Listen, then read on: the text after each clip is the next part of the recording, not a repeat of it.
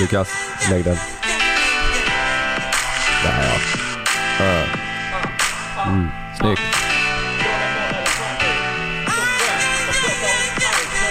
Snyggt. Ja.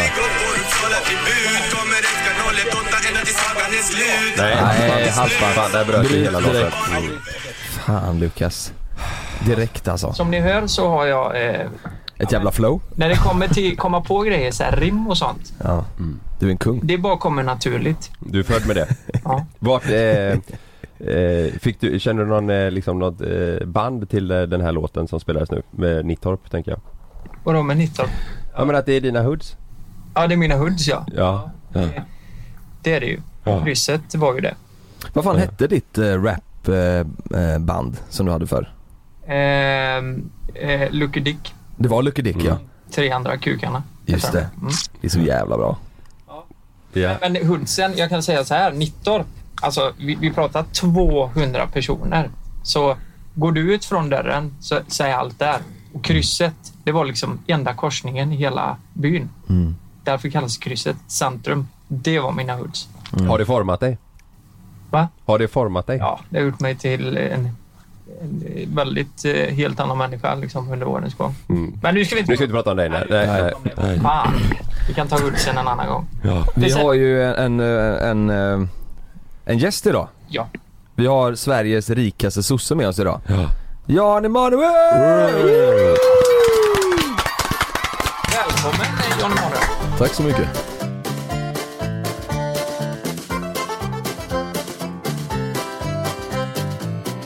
Jan Emanuel, du vet, det är ju, det är ju så många stavelser. Man vill säga Janne alltså. Janne är bra. Man vill fan säga något snabbare. Det är vi och mamma. Alltså din mamma. Nej men man får väl se det så att det finns ju, man, man kan ju tilldela privilegium ungefär som när man adlade män f- förr och kvinnor förr i Mm. världen. Ja. Numera så adlas man ju typ att man får vara så här, pratare i P1 men man skulle också kunna utveckla det här.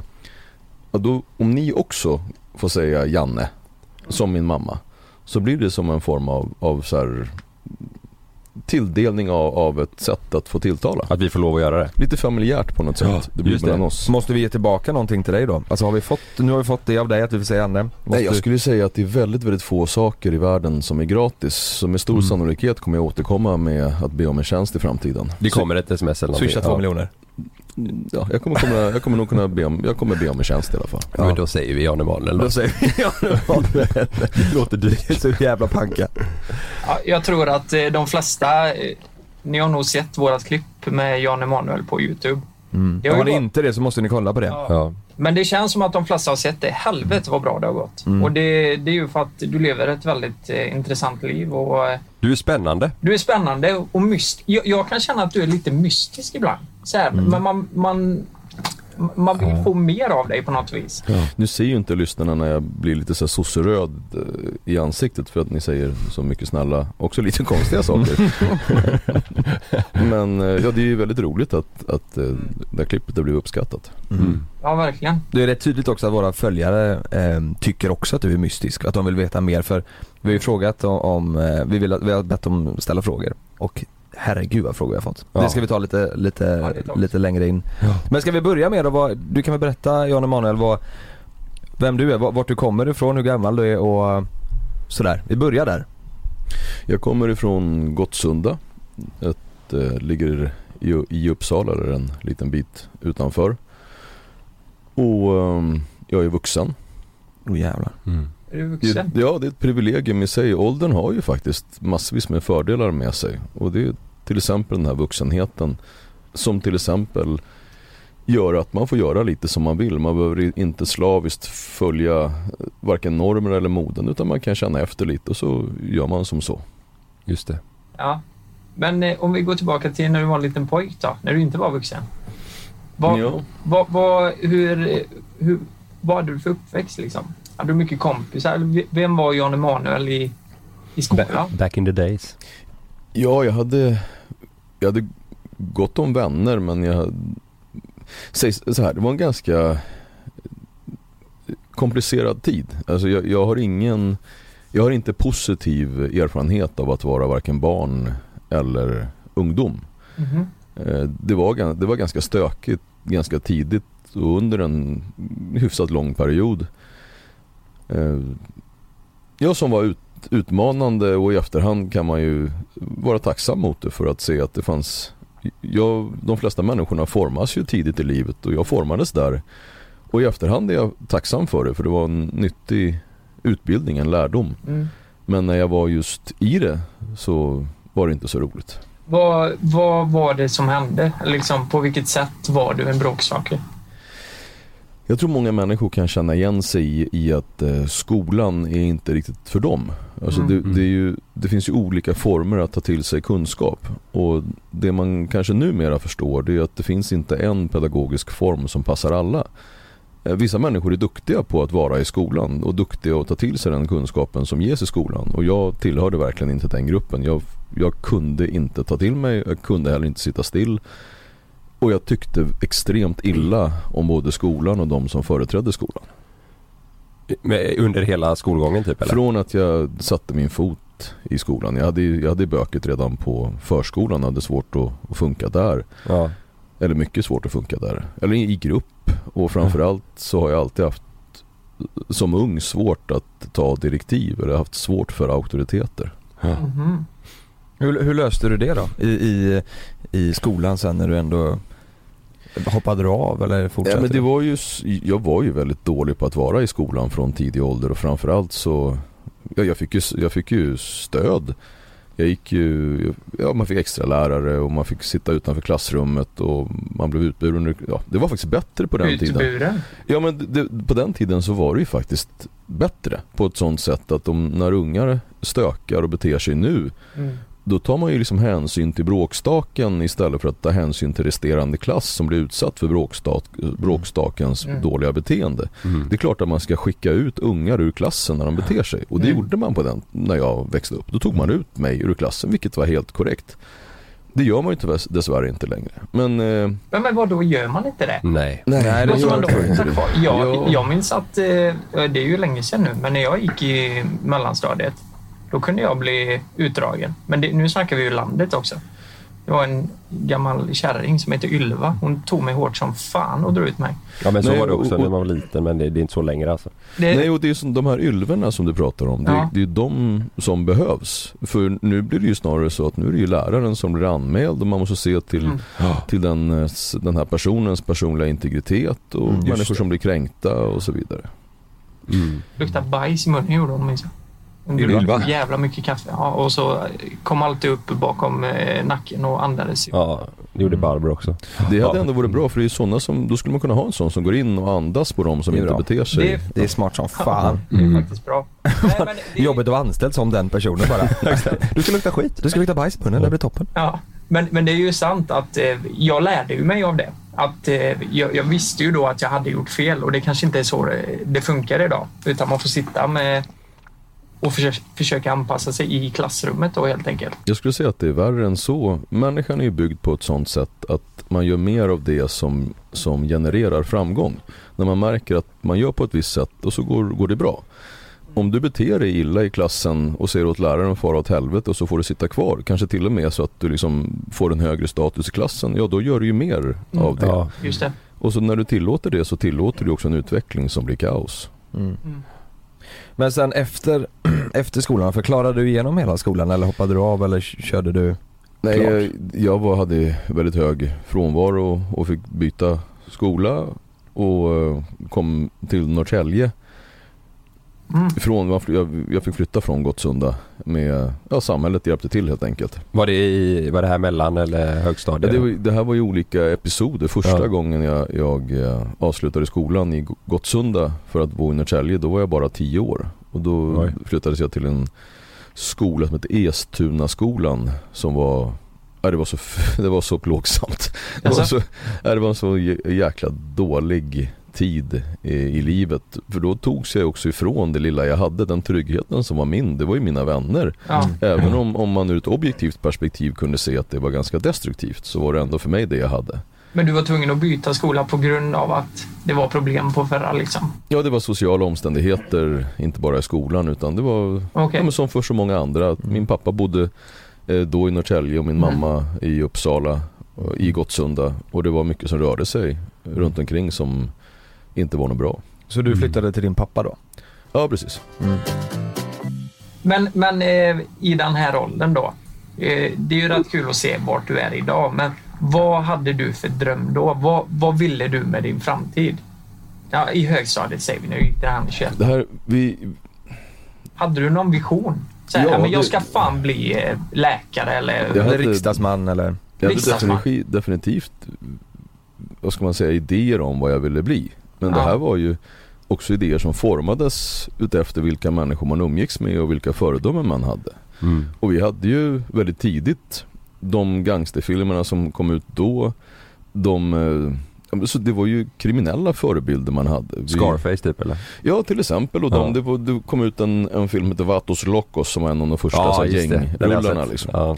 Och det var också då vi startade som, var, som blev ganska omtalat Gottsunda Road Boys som var en av de Vi var ju ganska tidiga i att organisera ett gäng Ja. och det skrevs ganska mycket om det gänget och det var ju också där någonstans som Som ni pratade om tidigare den här eh, resan eller de insatserna från socialtjänsten Mm. sattes igång ganska ja, Men- men intensivt. Gottsunda Boys, eller Rude Boys heter det. Gottsunda Road Boys, det var ju ett, man tog det från, vi hade mycket, vi lyssnade nästan bara på reggae och så här, Ja, när Ragamuffin kom och sådär. Och då i, i Trenchtown, Jamaica, så då, då pratade man Rude Boy, Rude Boy. Det var Mm. ett, så här, ett gäng med Nutty Dreadlocks som inte var rastafarianer utan som var ute, ja, som kriminella Mm. eh, så här, Rude Boys. men var det MC-relaterat eller? Nej, nej absolut Det var- inte. Det här var ju en förortsgäng. Ja, det här okej. var ju en klassisk liksom, en förlag av det som sen kom ganska många år eh, senare. Men vad hade ni som, vad, vad gjorde ni liksom? Vad, vad, alltså rånade ni banker eller vad? vad? Nej, det var, ju, det var ju många rån som var anknutna till den här grupperingen. Ja, Eh, jag, ja, det här är ju preskriberat nu. Jag, jag satt också eh, anhållen för rån mm. eh, när jag var 15 eh, i Gottsunda på en ICA-butik i Gottsunda. Och eh, det här föranledde ju olika insatser ifrån socialtjänsten såklart. Mm. Och det var ju många ganska vidriga våldsbrott som, som skedde under den här perioden Mm. anknutna till den här grupperingen och sen var det, Mm. det stod ju GRB på i varenda tunnel. Eh, De som, många av de som då taggade och gjorde målningar tvingade vi eller sa vi åt att ni måste skriva skriv, skriv till GRB och Mm. Men gjorde, gjorde ni det för att eh, få kicken eller för, för att få pengar eller för att folk skulle veta vilka ni var eller vad var anledningen att ni gjorde det? Jag tror att det primära var att, få, att synas och skapa rädsla, att skapa det man, den ganska perverterade formen eller definitionen av respekt som var då. Ja. Vi utgick, man, man sa att verklig respekt får man inte, den tar man. Vilket är precis tvärtom. Verklig respekt kan man inte ta utan den, den får man för man agerar på någonting. Och det, det finns ju en ironi i att det var en vändning på det. Mm. Och den perverterade bilden av respekten den har ju dessvärre hängt med i kommande generationer av människor i både utanförskapsområden och som identifierar sig med en kriminell livsstil. Mm. Tror du att du hade startat den här gruppen? För du flyttade ju till din farsa sa du i högstadiet. Ja, det här, jag åkte ju tillbaka hela tiden till Gottsunda, vilket, vilket också är självklart. Ja, om, om du flyttar ett barn eller en Ja. ungdom ifrån det stället som är hans trygghet så det är Mm. klart att du så fort du får tillfället åker tillbaka igen. Just det. Så du var där på helgerna och sådär då eller? Ja, och ganska ofta annars också för skolan kanske inte var det jag Ja, just det. prioriterade just det. Mm. Vi hade till exempel ett det här, det här är ju, när man pratar om det och tänker på det själv så är det lite, lite udda. Det var, på den tiden på Gottsunda Jeepen så det fanns ett lag som hette Uppsala Näs idrottsklubb som ett Unix som var ett jättebra fotbollslag som alla barn fick spela i. Då hade de omklädningsrum av gamla baracker och då var det två baracker som liksom hade blivit kvar på en, en, en eh, fotbollsplan som inte fanns längre inne på en övergiven tomt så de hade kört in dem där för att de inte skulle vara i Mm. Och de där barackerna, de öppnade vi helt enkelt och byggde om så att det är på egna lås. Och där bodde två, två polare och jag bodde där också då under perioder i den här övergivna baracken. Och det kan man ju tycka att Vore inte det här Det är en ganska Ja. udda pryl när det bor ett gäng ungar i en övergiven barack En kille, min kompis Hippie-Anders, han bodde ju där alltså Han är säkert ett halvår Hippie-Anders. Innan socialtjänsten då tog och placerade Och hur honom gamla också. var ni då, då ungefär? Ja, jag skulle säga, det här, är- nu får man ge och ta några Ja, år för att det här ja. är mitt minne och minnet. Mm. Jag skulle gissa att han var, kan vi var 14 kanske, Mm. Ja, shit. Vad, vad, vad tyckte... 15. Eh, för du hade både mamma och pappa va? Ja. Ja. Vad, vad, vad sa dina föräldrar? Min mamma var ju ensamstående, hon jobbade då som djurvårdare eh, Mm. och hon gav mig all den kärlek som jag egentligen alls inte förtjänade utifrån mitt sätt att agera. Mm. Hon har verkligen gjort allt. Hon är en extremt stark kvinna utifrån sina förutsättningar. Men det är just förutsättningarna som, som ges olika. Mm. Och min pappa, han var övervintrad. Man, han gick på högskolan väldigt, väldigt länge. Så pass länge så han fick liksom inga studielån eller liknande längre. Och han hade blivit en, sökande själ som inte riktigt visste vad han... Så han fortsatte vara på högskolan. Så bodde han i ett kollektiv, så här klassiskt hippie-kollektiv där han hade ett rum och så bodde det en massa andra folk i andra rum och så delade man toalett. Och där hade vi en våningssäng och jag hade en egen våning i den här våningssängen i hippie-kollektivet. Och så gick de upp på övervåningen och så plockade de alltid ner, de klättrade upp på vinden för där, var det, där hade de torkade växter. Och jag gillade när de gick upp på vinden och höll på att fixa med den där växten för när de kom ner då var de så otroligt skön stämning. Liksom alla skrattade, de skrattade och de, vi hade en grek som hette Tassus som var lite så här han som drog igång grejer. Så när de var uppe på den här vinden och fixade, kom Mm. ner sen, då, du vet, munspel, mungiger och du vet, assköna fester i köket. Jag var toknöjd. Tyckte Ja. att det var nästan som jag ville så här, säga, "Åh, kan ni inte upp och, och Fixa på vinden. fixa på vinden igen så blir det sånt där drag igen. Det är så här härligt. Ja. Oh, shit. Men har du någon, eh, har du bra relation med din eh, mamma idag? Absolut, jag har en jättefin relation utefter de förutsättningarna som är. Eh, hon har väl inte alltid hon är en fantastisk mamma men hon har haft lite otur när det gäller relationer kan man väl säga. Okej. Okej. Mm. Det är väldigt fint ändå att hon får se att det har gått så bra för dig, tänker jag. Ja, Hon har och det, det är också den, en styrka hos min mamma. Hon, har en, hon hade en gång en klistermärke kommer jag ihåg, fult som atsiken, men som hon hade satt på dörren in, in till toaletten när vi bodde på Jenny Linds väg 84 i Gottsunda. Då stod det så här, var glad åt lite, var glad ofta. Mm. Och det har verkligen, det har hon liksom lyckats leva efter på ett häftigt sätt. För jag kommer ihåg till exempel när hon sa, någon som frågade men hur var det det här med Janne och skolan, det här är inte kul. Han bara, jo men Janne är jätteduktig på matematik. Mm. Och jag är ju så fruktansvärt dålig på matematik. Men vid något tillfälle så hade hon gjort så här, det var tvåans gånger tabell och så frågade mig så här, vad är två gånger två? Och jag hade väl svarat rätt. Och det gav henne så pass mycket att jag ändå någon gång hade gjort någonting rätt. Så att då, han, han är jätteduktig på matte och det är ju hennes minnesbild. Ja. Och det här måste man också komma ihåg att hjärnan är, den är gjord på ett sånt sätt så, så att den anpassar sina egna minnesbilder. Så när du blir gammal så kommer du romantisera om din egen bakgrund som kanske inte alls stämmer i- överens 100% med verkligheten men det är åtminstone dina egna minnesbilder. Ja. Saker och ting eskalerar ju av sin natur. Alltså vad du än håller på Ja. med så, så finns det en evolution i det du gör. Är du fotbollsspelare i Uppsala Näs idrottsklubb när du är 10 år så stannar du inte kvar där. Hey, I'm Ryan Reynolds. Recently, I asked Mint Mobile's legal team if big wireless companies are allowed to raise prices due to inflation. They said yes. And then when I asked if raising prices technically violates those onerous two year contracts, they said, What the f are you talking about, you insane Hollywood ass? So to recap, we're cutting the price of Mint Unlimited from $30 a month to just $15 a month. Give it a try at mintmobile.com slash switch. $45 upfront for three months plus taxes and fees. Promo for new customers for limited time. Unlimited more than 40 gigabytes per month. Slows. Full terms at mintmobile.com. Både för att du inte längre är 10 år och för att du också eskalerar i division om du har tur. Och har du dåligt så går det åt något annat håll. Mm. Och så är det ju även inom det destruktiva beteendet, att det utvecklas. Mm. Sen så, så stannar ju inte människor kvar i en ungdomskultur när de blir vuxna. Men, men det beteendet man på något sätt har upplevt vara framgångsrikt, det utvecklas ju. Och i det här fallet då så blev ju många av mina vänner avancerat kriminella och, och många, är, jag skulle säga nu är ju en, är faktiskt majoriteten av de som var aktiva döda. Mm. Mm. Oj. Vad, jag ska tänkte säga, vilken, vilken, eh, hur gammal var du när värstingresan drog igång? Hur långt fram är det? Jag tror jag var 15 år när vi åkte, när socialtjänsten då satte in de här insatserna. Okej. Det, det var Ja, ungefär i samma, Ja, samma tidsspann. För de som inte förstår det här, vad, vad, kan, du, kan du dra en sammanfattning? Vad fan var värstingresan? Jag fattar ingenting. Alltså. Vad gick det ut på? Vad gör man?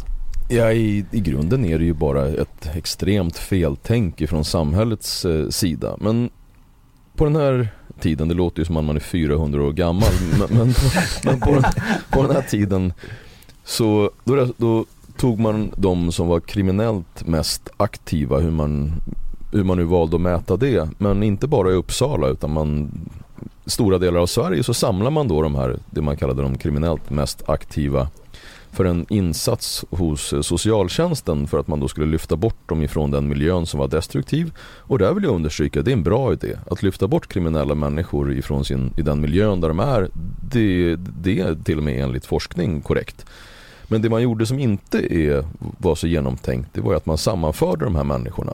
Så kom man på att vi eh, ska ta med dem på en seglats. De ska åka till Västindien, alla de här kriminella ungdomarna, för att det kan nog bli bra. Va? Men vänta lite här. Vad då åka till på semester? Ja, Ja, men det var ingen typ terapi eller något det, för man att... vill ju kalla det terapi för att man då skulle liksom de, Man såg någon poäng i att de här, att de här kriminella ungdomarna skulle så här bonda med varandra och så, Ja. typ, vi hade, gjorde till och med så här, vid något tillfälle, det var en, vid en annan insats med så här fallövningar där man får Ja. så här, ramla bakåt så ska man stå bakom och ta emot. För man ska lära sig så här, Nej. eh, så här, lita på varandra. Mm. Och det här, nu bondade man ju ihop kriminella, gjorde dem liksom till så här, bättre vänner och så här, eh, mer Ja. kärngemenskap mellan de Det kriminella. låter helt sjukt. Men ni skulle ta ansvar på båten och så? Ja men det, självklart, det var ju, det var ju, ja. grund, det var ju en fina grundtanken. Det var ju någonstans så vill ju människor väl med den här. Och det gjorde vi också innan så fick vi åka på så här eh, ja, vad, vad ska ni vilja göra grabbar? Och vi bara, nej men vi har hört att folk åker slalom, det verkar kul. Bara, ja, Idre kanske? Och så åkte vi iväg till Sälen, åkte skidor med den här gruppen. De tog med oss in till Gröna Lund, vi fick kolla på, var där på, var på Sigimali, jag kommer ihåg vi klippte, vi, vi tog plånböcker, ja, men det var så här kaos verkligen. Och de gav oss verkligen så här fina roliga saker som, som en form av Ja. beröm. Med, med grundtanken i den här ganska, sk- inte lite skeva, nästan perverterade idén att det är synd om oss. Ja. Vi är fattiga. Jag, var ju, jag tror jag var enda svensken eh, som åkte. Nej, det var en, det var en, en svensk eh, till. Men det var synd, i och med att vi var fattiga och, och, och utsatta och vi begick ju brott och brott begår man ju bara för att det är synd om en för att man har varit med om läskiga saker. Om man bara är tillräckligt, om, man bara, om man bara daltar tillräckligt mycket med ungdomar, då kommer det klart de kommer bli snälla. Som att det är ingen som bryr sig om en typ? Ja men att- då kommer ja. vi bli snälla för att de Ja. håller på att dalta med oss. Ja. Och det är ju så fruktansvärt korkat. Och det här var staten som bestämde att ni Ja, det skulle få ju- det privilegiet Det här att var ju, åka. ja staten, det här är ju det är kommunerna som finansierar det och sen så Ja. köpte de in den här insatsen av en privat aktör som hade de här segelbåtarna. Mm. Och det var, det var ingen som kom till Västindien och det lika bra var väl det. Det en var av inte det. båtarna, nej det här blev ju, en av båtarna blev det ju så här när man shanghaiade personalen och Ja. snodde båten och Ja. Och ehm, några kom till Gotland, den som kom längst kom till Gran Canaria. Det var två båtar eller? Eh, jag tror till och med det var tre, Var det? två, Ja. jag, jag kommer inte ihåg Nej, antalet. Men den båten som vi åkte till, vi var ju på seglarläger först i, i jag tror det hette, kan det heta Mellanfjärden. Och det var frukt, det var så, en liten idyll. Jag kan tänka mig ungefär där du bodde med korset, eller krysset. mm. Ungefär en sån by kom vi till. Och vad Mm. händer då när, när man sätter dit ett, ett gäng alltså, väldigt dåliga människor? De, jag- kommer ihåg till den där lilla ikan som fanns där, där hade de, kassan var inte ens vid utgången. Förstår du? Så Ja. att man liksom gick en omväg för man, om man ville betala. Alltså ni kan ju förstå själva vad vi Mm. gjorde med den där byn. Det var Ja. det fruktansvärt. Ja, det betalar Var det vi. i Sverige alltså? Ja, jag var i Sverige. Ja. Men vänta lite, jag, jag hänger inte med. De här båtarna, de, istället för att ni utförde resan så beslagtogs de. Nej, det var grabbarna på ena resan. Ja. De, eh, de band personalen och tog över en, en båt och skulle sno den men i och med att de var så odugliga så kunde- klarade de inte av att sno båten heller. Var, var du med på den båten? Ja, våran båt gjorde också, vi, eh, vi hade en, en, en kompis där, Emiliano, han, han, eh, vi först fick vi lära oss då segla med såna här uh, små jollar, de heter så optimistjollar. Mm, det. Mm. Och det är kul att de heter just optimistjollar för uh, min kompis där han var lite optimist för han sa bara, jag, tar, jag bara, han skulle dra. Så jag bara, men ropa till honom, vad ska, du, vad ska du ta vägen? Vad ska du sno den där? Vad ska du åka? Han bara, jag ska till Gotland! Jag bara, är du helt säker att det kommer vara en bra idé? Och sen så blev det ju det blev ju våldsamheter på den här båten mot personal Oj. och personalen hade ju inte, vad skulle de göra liksom? Både på, det, det, det var ju både, det finns mycket man kan berätta om resorna som, var, som det var en viss Mm. komik i men det var ju i botten en tra, det var ju tragikomiskt. Men det hände bara en gång, alltså de här resorna, när ni kom hem sen, det var inte så som de sa så ja men vet du vad, det här gör vi nästa år igen. Grejen är att det, det gjordes om. Det, det var ju det som var så fantastiskt märkligt. Men jag- va? Ja, Hur fan kunde det gå igenom? Nej men det är så, och grejen är att vi gör ju fortfarande liknande saker. Mm. Alltså vi vet vad som är fel, vi, vi ser hur utvecklingen har gått, vi ser att just det här att dalta med, med kriminella ungdomar är det sämsta man kan göra. Mm. Men vad gör vi fortfarande då, 2020? Vi sätter de ungdomarna som begår mord, då får man fyra år på en SIS-institution. En SIS-institution där du har självklart tre mål mat om dagen, för det, det tycker jag man ska ha. Mm. Där du alltid kan gå och hämta saft och bullar, kaffe står framme, du kan välja vilket Playstation du ska ha om du, eller om du vill ha en annan slags spel. Du har dina tv-apparater, du har till och med tv på rummet, ni har fritidsaktiviteter, spela pingis, det finns biljardbord, man får Mm. åka iväg på helger ofta utanför boendet och göra Oj. roliga saker. Alltså som en, som en fritidsgård. Och då har du alltså mördat, du har tagit ifrån en människa deras anhöriga, någon de älskar. Är det så idag? Idag, Alltså, just nu så som as we speak, så har vi så. Men bara som ungdom då? Ja, så länge du, du kan sitta där fram så att du är 21 år gammal och det är därför Så om du är 20 år har dödat någon så, så kan du, då, då hamnar du ofta på kåken. Men om du begår brottet när du är 17 till exempel, därför man brukar säga, Ja, det. lyssna, så därför brukar man säga. Det finns, riktigt, det finns vissa vidriga typer som säger att man bröstar en fyra för att få bli en hundragubbe. Det betyder alltså att du tar fyra år Mm. på, på en sån här ungdomsfritidsgård Mm. för att du har tagit bort någon för att sen komma tillbaka till din subkultur och få en hög, hög status. Och här måste man trycka på, det här, det här är, tycker jag är intressant. För det är den kriminalvård som vi har byggt upp nu och det straffsystem som inte, alltså det vi kallar för vård. Det är alltså uppbyggt för ett system, det som Sverige var på 50-talet. Det systemet arbetar vi nu i nutid. Det vill säga att vi gör någonting på ett sätt som är nu fast det är anpassat för en svunnen tid. En tid som inte längre finns. Så vi har ett system för ett samhällssystem som inte längre finns. Vilket gör det alldeles tossigt. För tanken med kriminalvården, fängelse eller liknande det är att det finns en social skam i att hamna på kåken. Det skulle funka jättebra för er, för era grannar skulle tycka, sitter Lukas på kåken? Vilken, och vad har han gjort för någonting? Det är skamligt. Ja. Men de som nu hamnar på kåken, för dem så är det hög status. De, Mm. ham- de blir ju mer balla i sin subkultur när de hamnar på kåken. Så därför så måste vi ha starka straff, stränga straff nu. De Mm. svaga straffen, de korta enkla straffen som var förr, de funkar inte längre. Det är fel att tänka så. Mm. Jag tycker det är rubbat eh, att nej men, fyra år för ett mord och att man får dem... Alltså, alltså, det låter ju som en semester lite. Vad fan, där har du, du kan sitta och spela Playstation i fyra år och sen komma ut liksom. Mm. Man ser ju mycket sådana exempel du vet så här, att det är någon som har våldtagit och gjort helt hemska saker. Sen så är det någon som har gjort ett lite mindre ekobrott och så får de liksom tio gånger mer än vad de som våldtog fick.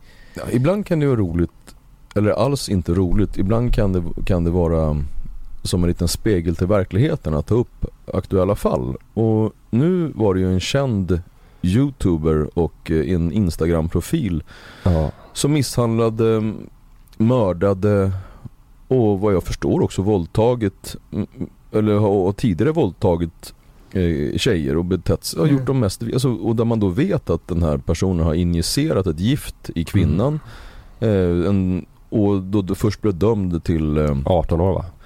Ja, som ingen någonsin har suttit i förvisso. Men hur som helst så blev han dömd till och sen kom han fram till att Ja, fast det är ju svårt att mäta den här dosen i blodet. Att hon dog, det gjorde hon ju, det är bevisat. Men vad jag förstod så fick han sitta av två år. Mm. Han kom Alltså på, igår va? Ja, på ett Mm. planerat eh, mord. Ja, men, Nej, det, är, det är för Jag känner ju för alltså. övrigt den här individen också, Ja. vilket gör det ännu mer... eh, jag, jag vet ju vem du pratar Hemskt. om och jag lyssnar på poddarna också. Eh, men de tog det till hovrätten va? Det var så eh, eh, han kom ut. Ja, det, det, jag kommer inte ihåg vilken, vilken instans han, men Nej. jag gissar på att det var där. Nej men skitsamma. Men var det inte så att de, de hade inte tillräckliga bevis för att det var han som hade injicerat? Nej då, det är bortom all rimlig tvivel att han hade injicerat och gjort det. Det man, det, det man kunde gå på, det var ju att dosen kunde inte bevisas. Det vill säga att det var inte säkert att han ville att hon skulle dö. Nej. Och därför så blir det vållande, eh, gissar jag att det blev istället för planerat mord. Och det är ju så sjukt. Det, så, det, det, här, det här skulle jag ju säga, det här är unikt för Sverige.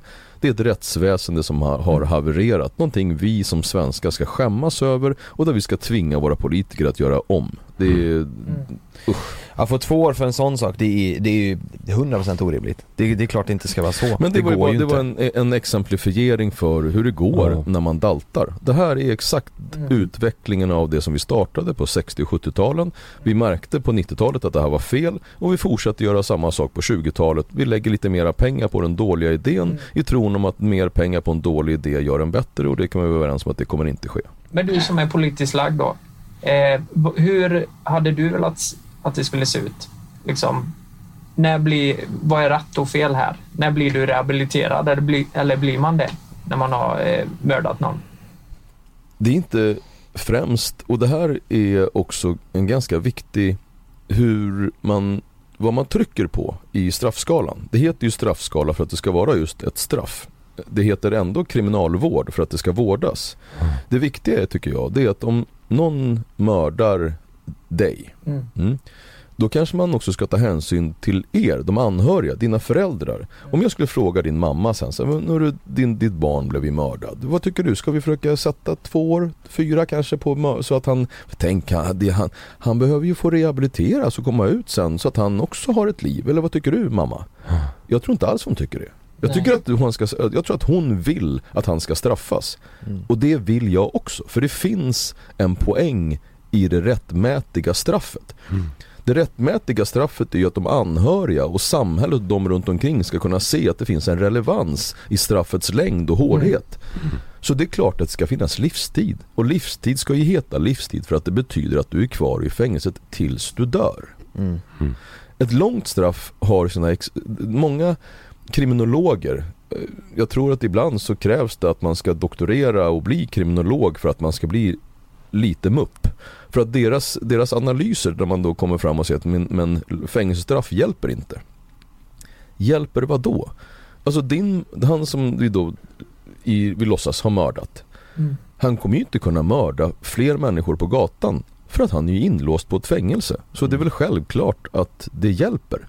Det man då menar på att det inte finns en rehabiliterande effekt i det, vilket det också har på grund av att människan utvecklas i ålder. Om du låser in en människa som är kriminellt aktiv när han är 17 och släpper ut honom när han är 47 så finns det en väldigt stor sannolikhet i att han inte återfaller på samma sätt just för att han har mognat som, i, alltså rent fysiologiskt och hamnat i nya, alltså man är annorlunda när man är 47 än när man är 17. Men att om du släpper ut honom efter fyra år så, så har vi ungefär, vilket vi vet, en återfallsfrekvens på kanske 80-90% att han kommer återfalla i brott. Och, då slä, och ändå släpper vi ut honom. Vad, vad är det? Ja det är sjukt. Men så här då, under din eh, uppväxt och när ni eh, stökade sådär. Var det någon gång, eller har du någon gång blivit eh, straffad själv på ett sätt som du tycker är eh, liksom att det är ett bra straff? Förstår du vad jag menar? Ja, alltså, ja de, Eller någon du känner under, sådär som- Under på tok för kort tid. Jag har ju suttit anhållen vid, vid olika tillfällen för, för olika brott. Eh, och det är bra. Mm. Men när man blir inlåst, det är ju bra. Det är ju en markering. Ja. Det är också en fara i, i att när du väl har, har, har suttit lite så vet du också att det är ganska ofarligt. Första gångerna blir du ju livrädd när, du, när de tar upp dig till häktet och du, och du kommer in och det är lite läbbigt. Och du, första gången då, de tar med dig. Jag kommer ihåg en pedagogisk grej alla faktiskt. Vi, vi hade gjort en grej mot en guldbutik och polisen kommer och hämtar oss och kör oss i, i polisbil. Och så säger polisen till mig så här att jaha, hur känns det nu då när du ska, nu kommer du få sitta inlåst eh, under jul och nyår. Vad säger föräldrarna då? Mm. Och jag svarar att det skiter väl jag Jag firar jul med honom i framsätet, eller min kompis som sitter i samma bil. Och han är arab så de firar en annan jul så skiter i det. Ja. Och det är verkligen så här att spotta på dem. Och, det, och de, ja, jag betedde mig illa mot konstaplarna. Det visade ingen respekt och var dålig. Och när jag, när jag sen var i, i mitt rum på, på häktet så kommer det några hämta mig. Och de säger kom vi ska gå. Och jag bara va? Vadå? Jag bara, och jag börjar känna att nu är det någonting. Så jag, Mm. vi ska bara ta, vi ska ta en runda. Vi, och så var det tre personer och de tar ut mig. Jag försöker hålla mig kvar och de tar ut mig och tar in mig i en hiss. Och är extremt obehagliga. Och jag, eh, då blev jag extremt rädd och jag började grina och säga nej för bad om ursäkt i hissen upp för jag förstod att nu kommer jag få så jävla mycket stryk. Ja. Vilket jag förtjänar. Men när vi kom upp, då öppnade de upp och så sa de så här, här, rastgård. Så skickade de in mig i en liten, liten osthyv, eller ostbit som det kallades. Man kunde liksom, det är utomhus men med väggar och så lite galler till tak. Mm. Och de förstod ju vad de, vad de syftade på. Det var ju, men de gjorde ingenting olagligt. De sa bara att nu ska vi ta en sväng. Mm. Och de tog dit mig och jag fick uppleva skräcken utan att få stryk. Men den kommer jag ihåg. Jag Ja, kommer det. ihåg rädslan och jag, och jag förstod ju varför. Varför betedde jag mig som jag gjorde? Jag hann ju ångra mig lite. Så jag, jag säger inte att folk ska ha stryk. Men däremot så måste konstaplar ha rätten att ta till exempel de här människorna när man åker ut i någon förort som polis. Och det kommer fram ungdomar eller unga män och är hotfulla mot polisen eller skiter i vad polisen säger.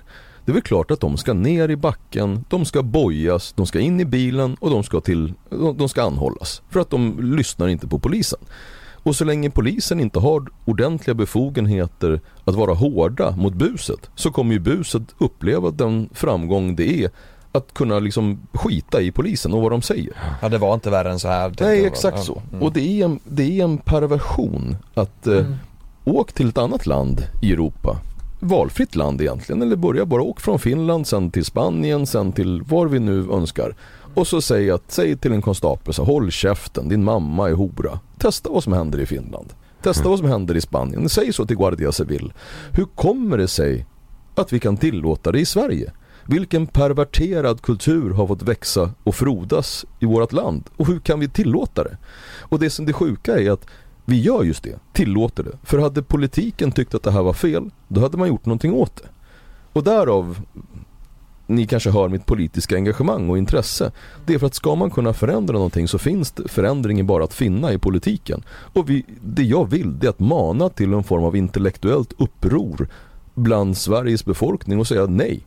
Vi går inte med på det här längre. Vi, vi vägrar se hur vårt system eroderas och perverteras. Mm.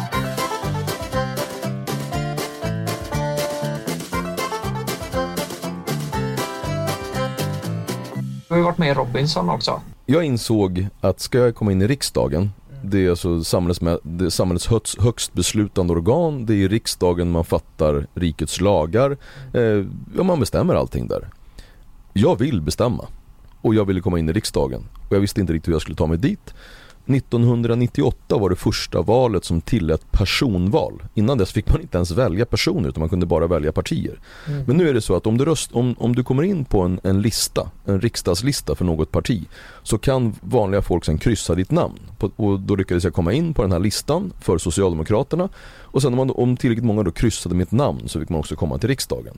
Men jag insåg att ska jag få, det här var ju extremt många personer som behöver kryssa mig för att, jag ska, för att jag ska komma in, så måste jag fånga det massmediala sökarljuset för att folk ska få reda på vem jag är. Och därför sökte jag, med, jag hade ett gäng kompisar, vi satt och planerade hur vi skulle göra, en val, personvalsgrupp. Och så sökte vi till de olika såporna, eh, Robinson och den massa andra såpor som var. Jag kom in i dem, sen kom vi, kom vi fram till att Robinson är effektivast. Jag hade en massa tur så jag fick vinna Robinson, vilket gjorde att, att jag fick uppmärksamhet i media. Och då så kunde jag stjäla det massmediala sökarljuset till min person men spegla bort det ifrån min person och sätta dem på de politiska orättvisor som jag upplevde och på så sätt också få den uppmärksamhet som krävdes för att kunna hjälpa mig in i Sveriges riksdag. Men Och du, var, var, du, var du omtyckt av de flesta eh, när du var med i Robinson eller? När du vann? det är ju omöjligt för mig att Ja men det, och du, objektivt. Men, men det, det, i och med att det är Robinson är ju, det är ju en lek, det är ett socialt spel. Och med tanke på att det här krävdes ju först att du skulle få flest röster av de som var på ön, vilket jag fick. Och jag fick också flest röster av svenska folket. ja men då var så, det ju, så det var ju åtminstone, det, det gav ju ett positivt utfall. ja men då var det ju det.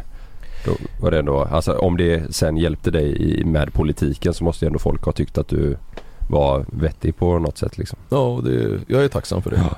När gick det från att du eh, höll på med de här eh, busigheterna om man vill kalla det så till att du liksom kände att du tog tag i ditt liv? För nu har du ändå kommit extremt långt nu. När, vart började du någonstans och vad, vad, vad gjorde du när du började? Precis som allting annat så är det ju mångfacetterat. Det är, alltså, det är inte bara en händelse eller en epok eller någon del i ens liv utan det är flera olika omständigheter. Men det tydligaste som man kan sätta fingret på det var att under min folkhögskoleperiod när jag läste in grundskolan och gymnasiet så träffade jag min fru. Eh, då var jag 19-20 år någonstans. Och det som man också både via forskning och där man har där man gått tillbaka och sett anledningen till varför människor bryter ett socialt mönster så är det oftast kärlek, det är tro och det är vissa inslag av behandling. Och där hade jag alla, alla, alla tre. Jag fann min kärlek, jag fann också en, en gudstro och eh, jag fann också anledning att göra någonting annat än att göra destruktiva saker. Du var, du var, nu var du 19 år, Ja, 20 kanske. 2019, ja, okej. Och jag vill understryka, för an, annars så kommer ju folk ringa in och säga men vad fan jag vet att han gjorde ditten och datten Ja. efteråt. Mm. Ja, jag gjorde skit ganska, jag gjorde dåliga saker längre fram i livet. Och då vill jag komma fram till den slutgiltiga, när det någonstans blev en, en fullvärdig vändning. När jag, när jag vad jag tror med, he, med hedern i behåll kan jag säga, jag åtminstone inte medvetet agerat omoraliskt på, på ett sätt som går ut över andra. Och det, den anledningen sitter ju med oss eh, här i rummet. Mm. Det är min son som är med under inspelningen, Matteus. Han är 17 år. Och det var ju också en, en vändning när du verkligen på riktigt får ansvar för fler människor än, än dig själv. Mm. Men du sa att du använde ja, men de dåliga sakerna du har gjort. Det använder du för att bevisa att politiken är lite knasig, eller hur? Men, men borde du inte fått eh, borde du inte fått väldigt mycket kritik för att du blir vald med din historia liksom? Eh, visst att du blir omtyckt av svenska folket i och med Robinson och allt det här, men visste folket om din historia? Att du hade varit busig när du blev vald, eller hur? Ja, det, jag var väldigt, är det någonting man förstår i politiken så brukar ju en, en klassisk fråga vara Har du några lik i garderoben? Det är ju en, en symbol för att om du öppnar garderoben så där inne finns det saker som du har dolt. Mm. Och jag sa tidigt att jag har en hel kyrkogård i min vidöppna garderob. För det finns ingenting jag försöker dölja. Jag försöker snarare vara ganska tydlig med att säga övertydlig att ja, men jag- jag, jag är långt ifrån, jag är, jag är ingen hundraprocentig människa. Jag, har en, jag, har en, eh, jag är en kantstött människa Mm. med ett, med ett förflutet. Men jag är en människa som åtminstone gör så gott jag kan. En människa som har två barn, en fru och, som, och där, där min fullständiga lojalitet ligger. Men jag kan också vara lojal med det svenska folket utifrån att jag har en övertygelse om vad jag vill att samhället ska gå och jag har också en bild av vad jag inte vill se. Du, nu är det så här, nu ska vi vända spår lite här. Du har ju, du är ju Sveriges rikaste sosse, du har massa pengar. När började du tjäna pengar? Och, och vad gjorde du? Vad, vad, var, Så- det, det vad var din första liksom? Affär Din liksom. första affär ja, som gav klirr i kassan? Jag har Jag har nog eh, Så länge jag kan minnas eh, Att jag har kunnat så har jag ju Av ganska naturliga anledningar dragit in mina egna stålar. Jag har när jag var Runt 10 år eh, Så utöver att jag, jag stal väldigt mycket. Jag var en fantastiskt skicklig snattare i tidig ålder. Men så sålde jag också begagnade serietidningar. Eh, längre fram så startade vi en butik när jag var 18 år, en klädbutik på Gotland. Där vi åkte runt och gjorde sådana här smash and grabs, eh, slog in rutor och och snodde kläder och sen sålde vi de här kläderna i den här butiken. Och det var ju en ganska, vad ska man säga, bra marginal i, i den affären. Bra inköp ja. Ja. bra marginal Ja. är inte Och jättemycket sen, utgifter. sen har det ju eh, rullat på eh, på olika sätt. Men, men när jag vände det dåliga, ja, jag, det har ju alltid varit, jag har gjort vanliga schysst. Jag stod i Täby centrum när jag var 15 och sålde ost. Jag köpte ost eh, via min pappa som hade bra ostkontakter som hade liksom blivit mögliga runt om. Ost behöver ju inte bli dålig för att den möglar på sidan. Mm. Och då tog jag den här osten, så tog jag bort möglet, skar upp den i, man får ju en ost den är så här jättestor, jag tror de är så 5 kilos ostar eller så. Skar upp den i, i, i, van, i så vanliga ostbitar.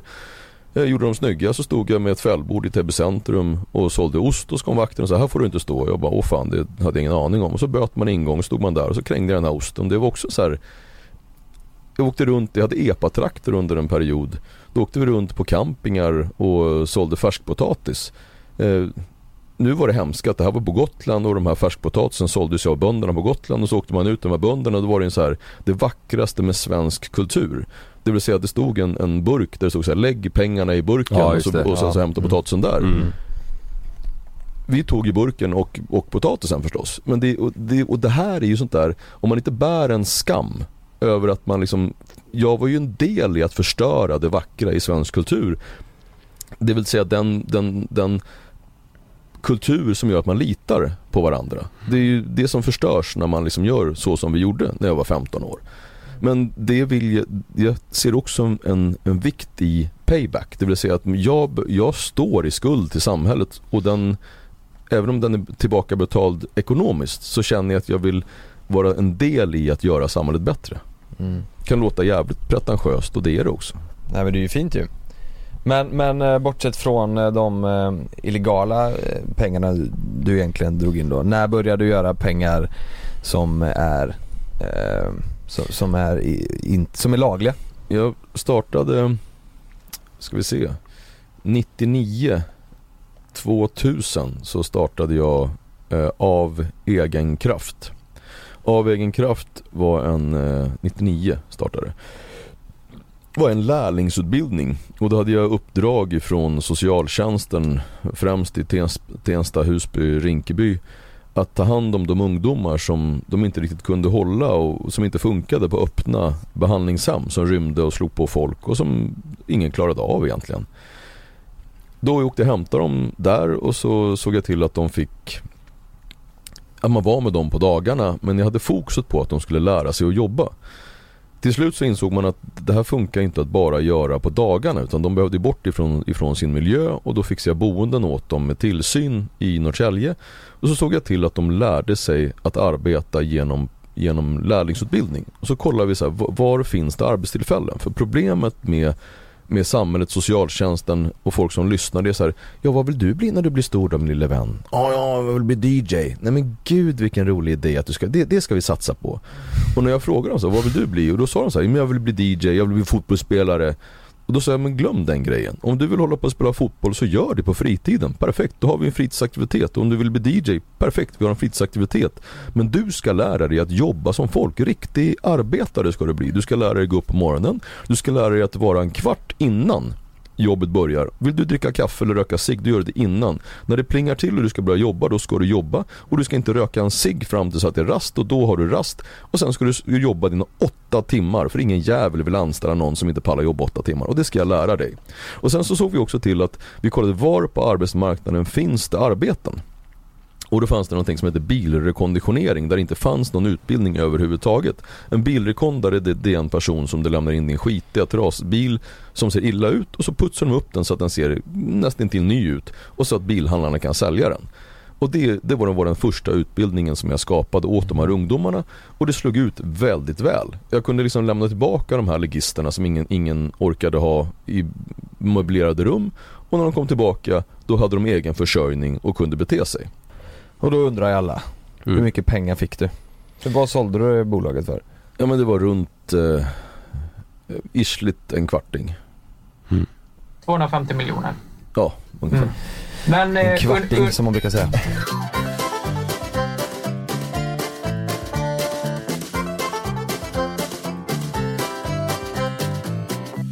är det här någonting du har fått kritik för? Att du har, eh, att du har vinstat på en sån här typ av verksamhet?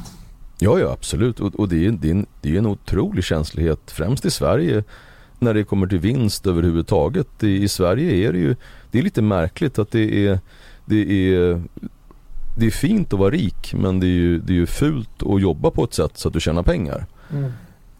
Det här, eh, som tur är, så finns så det som är bra med siffror och ekonomi det är att det lämnar ju spår så man kan gå tillbaka Mm. och titta så att ingen liksom hittar på historien. Utan det, man kan titta, okej hur såg det här ut? Och då kan man då kolla hur mycket utdelning gjorde du under de här åren? Och jag tror att utdelningarna under de här första sju åren så tog jag inte ut en krona. Jag tror att jag tog ut fram till försäljning så pratar vi om kanske utdelningar på totalt några miljoner. Och då kan man, vadå några miljoner? Det är jättemycket pengar. Ja det kan man tycka.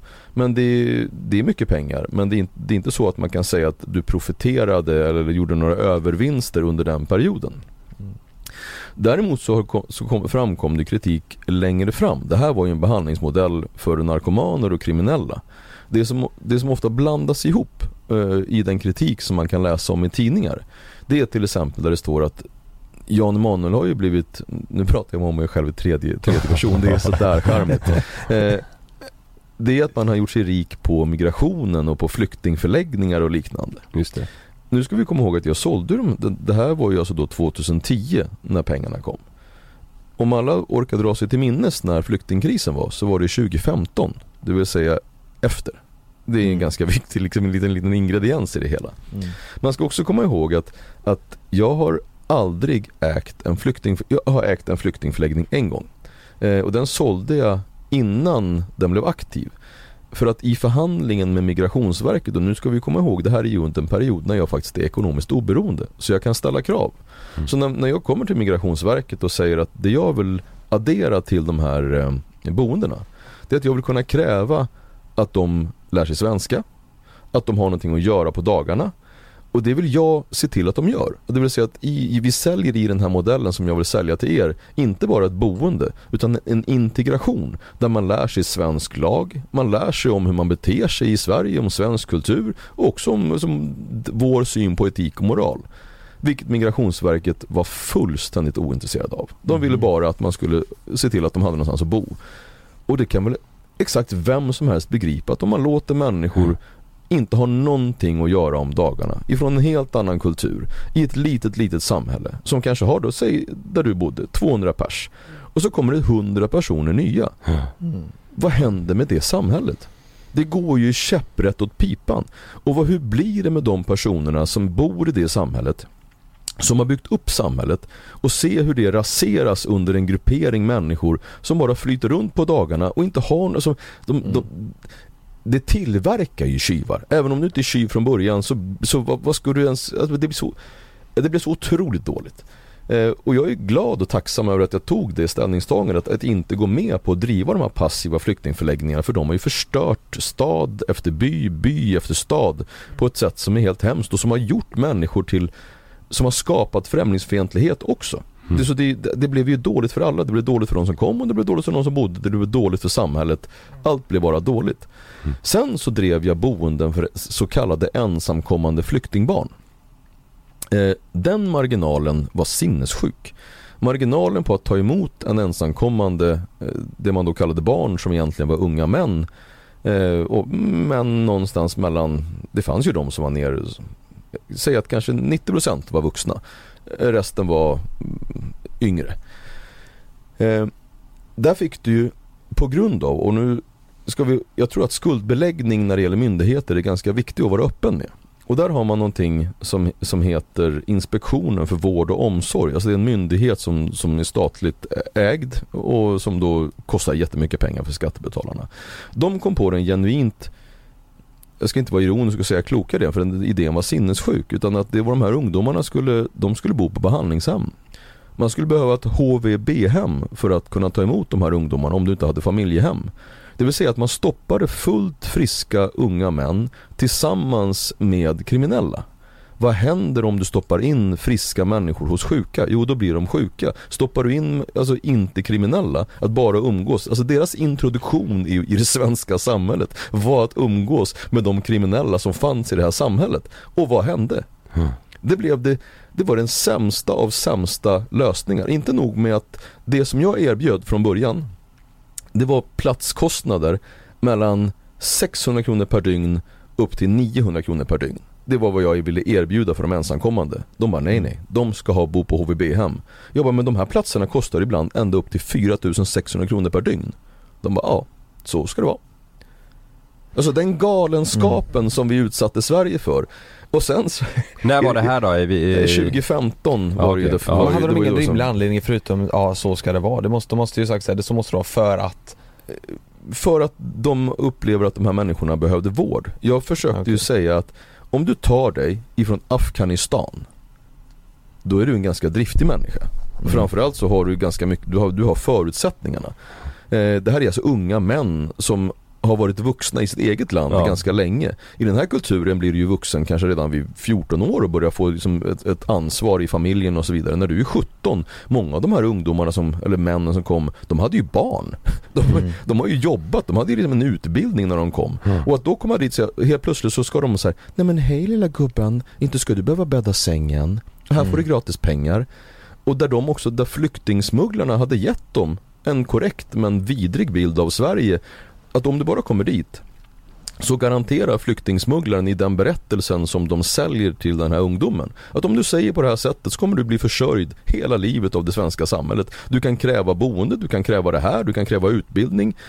Det fanns också en hel del historier om, det var därför det kom ganska många människor med vissa fysiologiska funktionshinder. Att eh, till exempel, jag hade ett ganska hemskt exempel med en pojke som hade vars ena ben var kortare än, kortare än det andra. Där, man, där flyktingsmugglaren då hade lovat att i Sverige där hade de liksom den möjligheten hos sjukhuset att göra benet lika långt igen. Så det var hans, hans krav när han kom. Han bara, när blir mitt ben lika långt som det andra? För det hade han blivit lovad. Men det här, det ekonomiskt, det med ekonomiska oberoendet som flyktingsmugglarna eh, sålde och garanterade, det fick de ju. Och det, och det spreds ju som en löpeld i de här länderna att det är klart ni ska till Sverige för att där är allting gratis. Och mitt i det här var jag en utförare. Så marginalen som blev under 2015 och 2016, jag tror det var någon, någon som eh, gjorde siffror på det, hur min verksamhet hade utvecklats i omsättningsmässigt under 2015, 2016, 2017. Det var så här 900% eller någonting sånt där. Och det roliga är ju då att där vänder man det till att det är utföraren som är dum. Alltså om man, om, det här var ju upphandlingar. Det vill säga där man, där man, där man då upphandlade den här eh, grejen, men det var konkurrensutsatt. Det vill säga om ni hade företag så konkurrerar vi om, om både prisbild och insats. Och den som gör det bäst eh, får man då ett kontrakt med. Och det var jag med och tävlade. Och där valde kommuner eh, mig som utförare. Och sen så blev folk arga på mig för att jag tog betalt för den här tjänsten. Okej. Och det kan man ju, det kan man ju tycka vad man vill om. Man, de flesta sa ju, men varför gjorde du inte det gratis? Ja, för att jag jobbar inte gratis, är Nej. svaret. Men vadå, du, du, vill du tjäna pengar? Jajamensan, jag är kapitalist, jag vill verkligen tjäna pengar. Och det är inte så att jag efteråt sa, titta vilken bra marginal det blev. För det tycker ju folk, det har jag verkligen fått förslag på, att jag ska lämna tillbaka marginalen eh, till staten för jag tjänade pengar. Det är som att be en människa som liksom så lägger asfalt att men nu tjänar du ju på det här hela året. Nu får du ju lämna tillbaka vinsten. Och det gjorde inte jag. Och jag kan säga till de som tycker att jag ska göra så att jag kommer inte göra det i framtiden heller. Oavsett vad det är för affärer jag gör. Är det personer som liksom har följt efter dig genom hela vägen som är på dig? Eh, liksom från eh, 2010, 2015 som fortfarande liksom som trycker på och vill typ sätta dit dig liksom eller att du ska Ja, det har varit ganska roligt för jag har ju haft, jag har ju haft en, en, en, en hat, eh, jag har två stycken så starka eh, i, inte istället för fanclubs så har jag två stycken så här, eh, som konkurrerar nästan om hur man, club. Ja, hate clubs. Två hate clubs. Ja, den ena hate clubsen, det är, ju den, det är extremvänstern.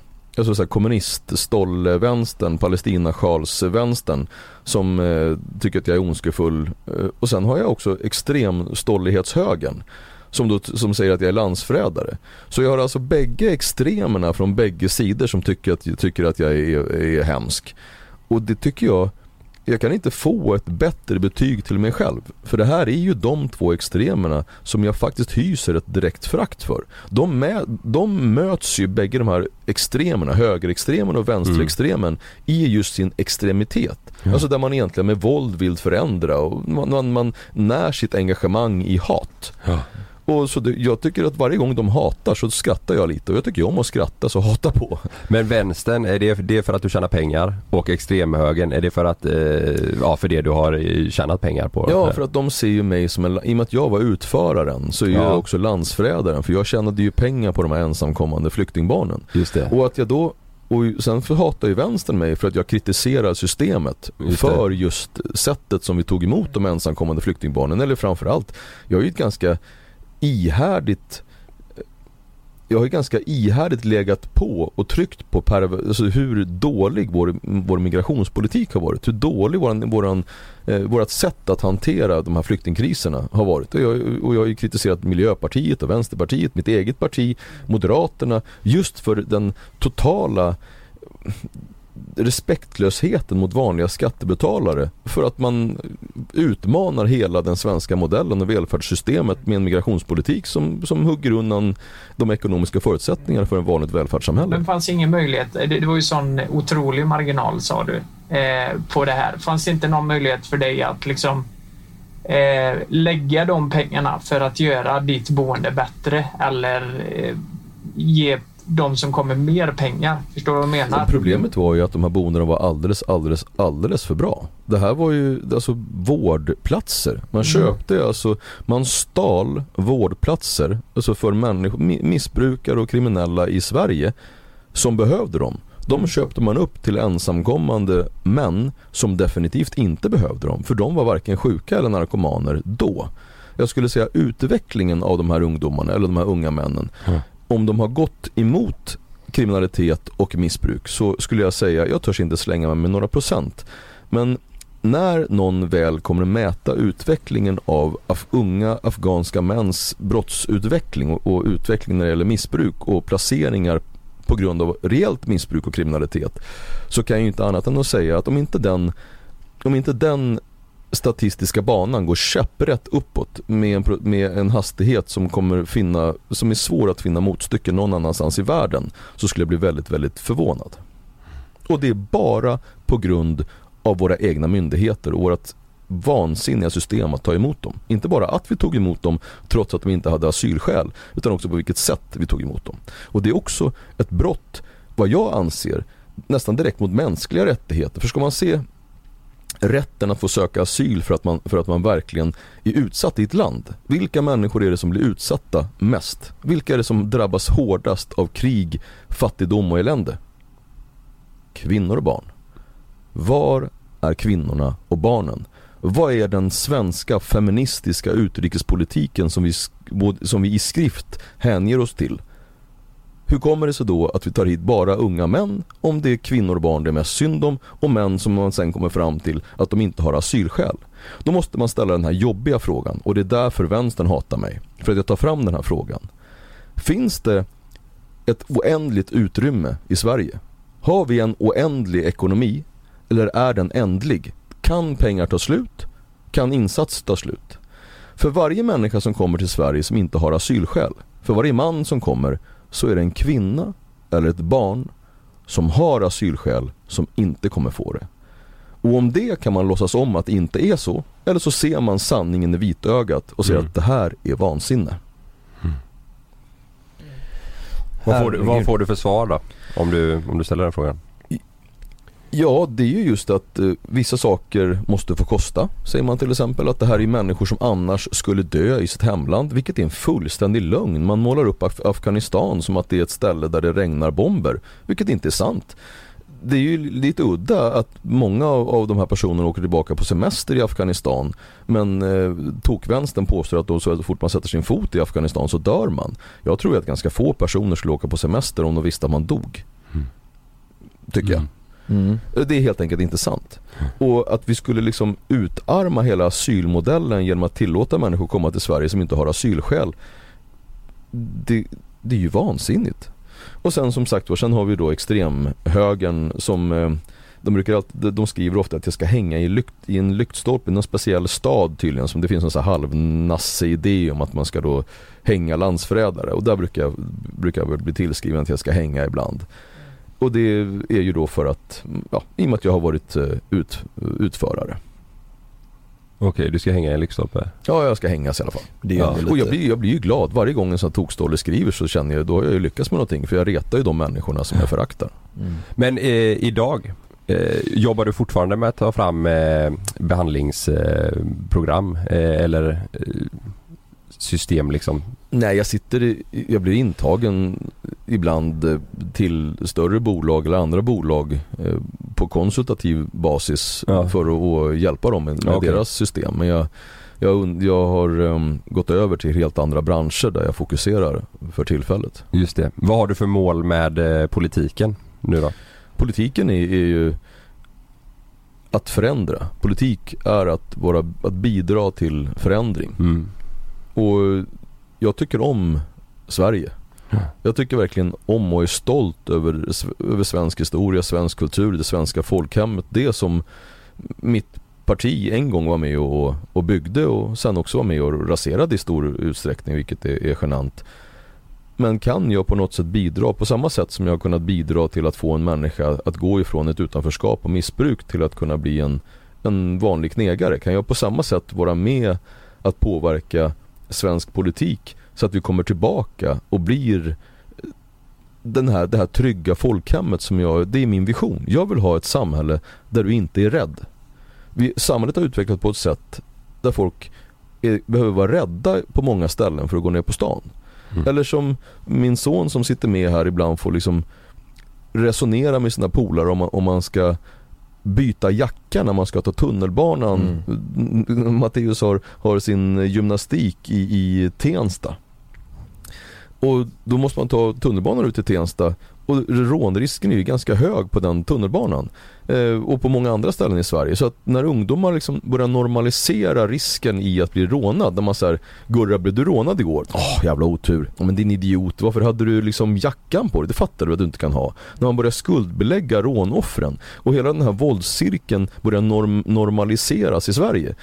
Jag vill inte att det ska vara så. Jag vill inte att rädsla ska normaliseras. Jag vill att du ska kunna vara trygg i att bli gammal för du vet att du får en pension. Jag tycker det är en skam att vi tillåter pensionärer få vara fattiga. Jag tycker att det är en skam att vi tillåter att det finns vårdköer i ett land där vi har en av världens högsta skatter. Och allt det här går att förändra. Man kan inte bara lämna in och säga okej shit det här gick åt helvete, nu flyttar vi. Så kan vi inte göra. Jag kan göra det för jag är pissrik. Jag kan, åka, jag kan flytta till Spanien, ta med mig familjen och garva hela vägen. Få bet- slippa betala skatt och ha det varmt och skönt. Men jag tycker inte man gör så. Jag tycker det är då man är landsförrädare. Mm. Nej det är jävlar vad, det är, det är matigt, eh, matigt avsnitt. Jag har fått mycket info alltså. Ja verkligen. Vi lär oss mer nu än vad vi har gjort. Eh, Vi har ju frå- vi har ju frågor också från eh, lyssnarna. ja det har vi ju. Mm. Eh, jag, ty- jag tycker vi ska köra lite frågor. Ska vi det? Ja jag tycker det. Vi gör det. Ja. Vi kör, eh, vi kör några snabba. Ja.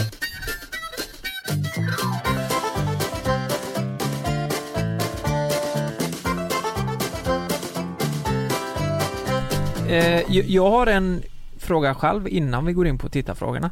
Och det är i och med att, ja men, det man ser utåt, eh, ja men du, du har ju mycket pengar och eh, det är ju ett lyxliv du lever. Vad är det du har, hur har du investerat dina pengar och hur har du fått dem att växa nu i efterhand? Jag har försökt att agera ungefär som på börsen men jag tycker om att kunna påverka mina investeringar själv. Mm. Och om du då investerar i mindre bolag i en så stor del så att du själv kan vara med och påverka bolagen så blir det för mig intressantare. Jag har ett riskkapitalbolag och det låter ju som att man i det försöker riskera så mycket pengar som möjligt och det är precis tvärtom. Det finns ingen som är mindre riskbenägen än en riskkapitalist. Så jag försöker i ganska trygga mindre bolag ta ägarandelar och sen vara med att utveckla dem på ett bättre sätt för att sen kunna sälja dem mycket Mm. dyrare. Om vi, om vi tänker typ eh, fastigheter då. Lite skvaller. Eh, vad, vad har du för fastigheter? Så här privat?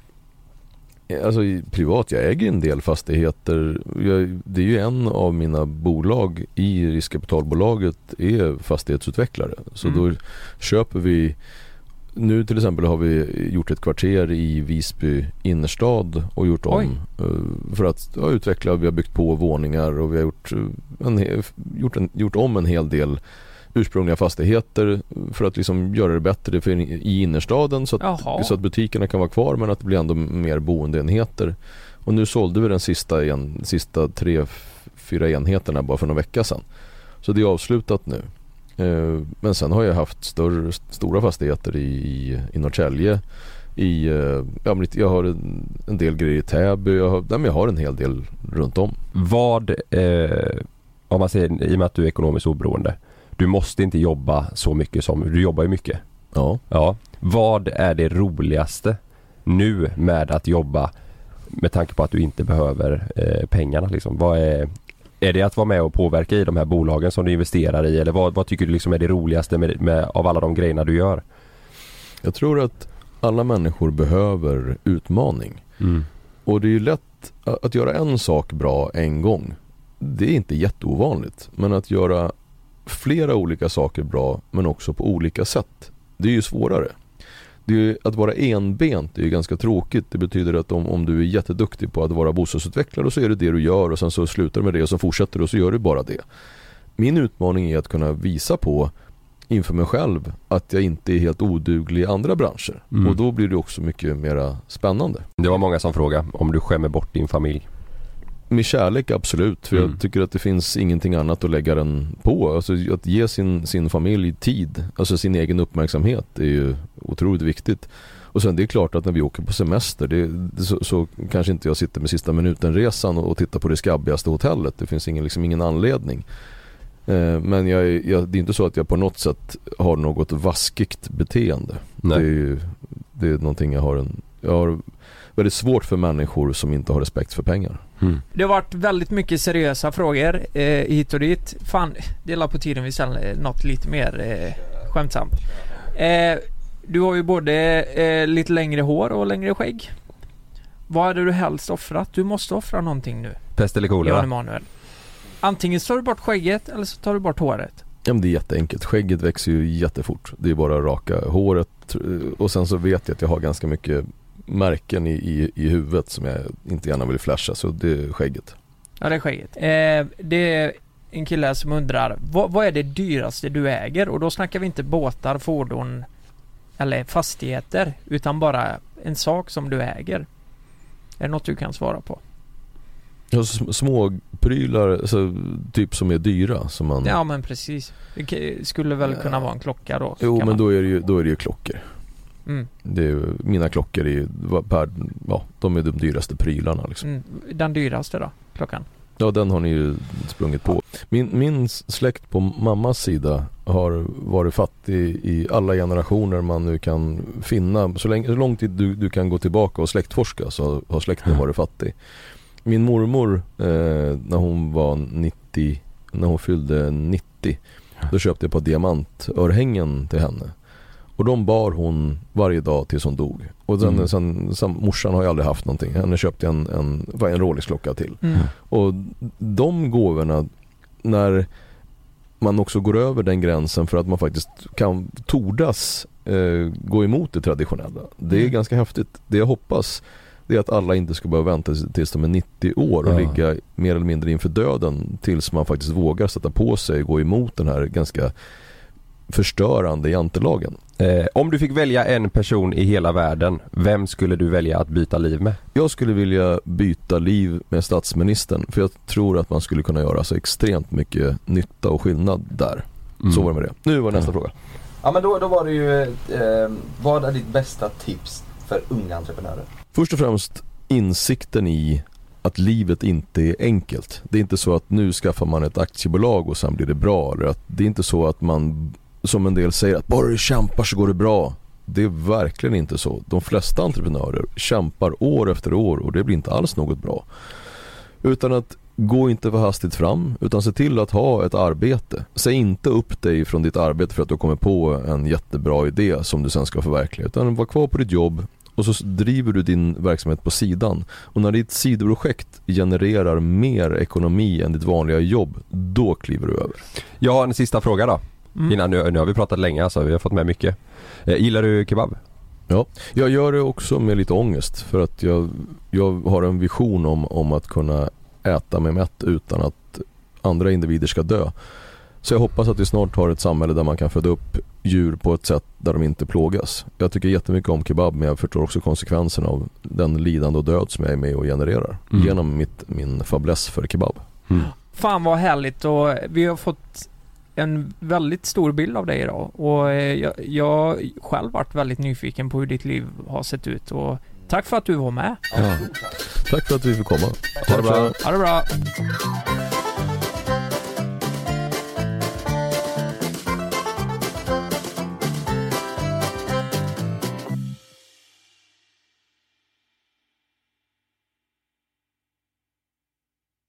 Glöm inte att du kan få ännu mer innehåll från oss i JLC med våra exklusiva bonusavsnitt Naket och nära. Med Mellan himmel och jord plus i samarbete med Acast kan du få tillgång till alla våra vanliga avsnitt reklamfritt samt exklusivt innehåll i den podcastapp som du själv helst väljer att lyssna igenom. Exakt så, så klicka på länken i vår podcast avsnittsbeskrivning för att signa upp dig direkt.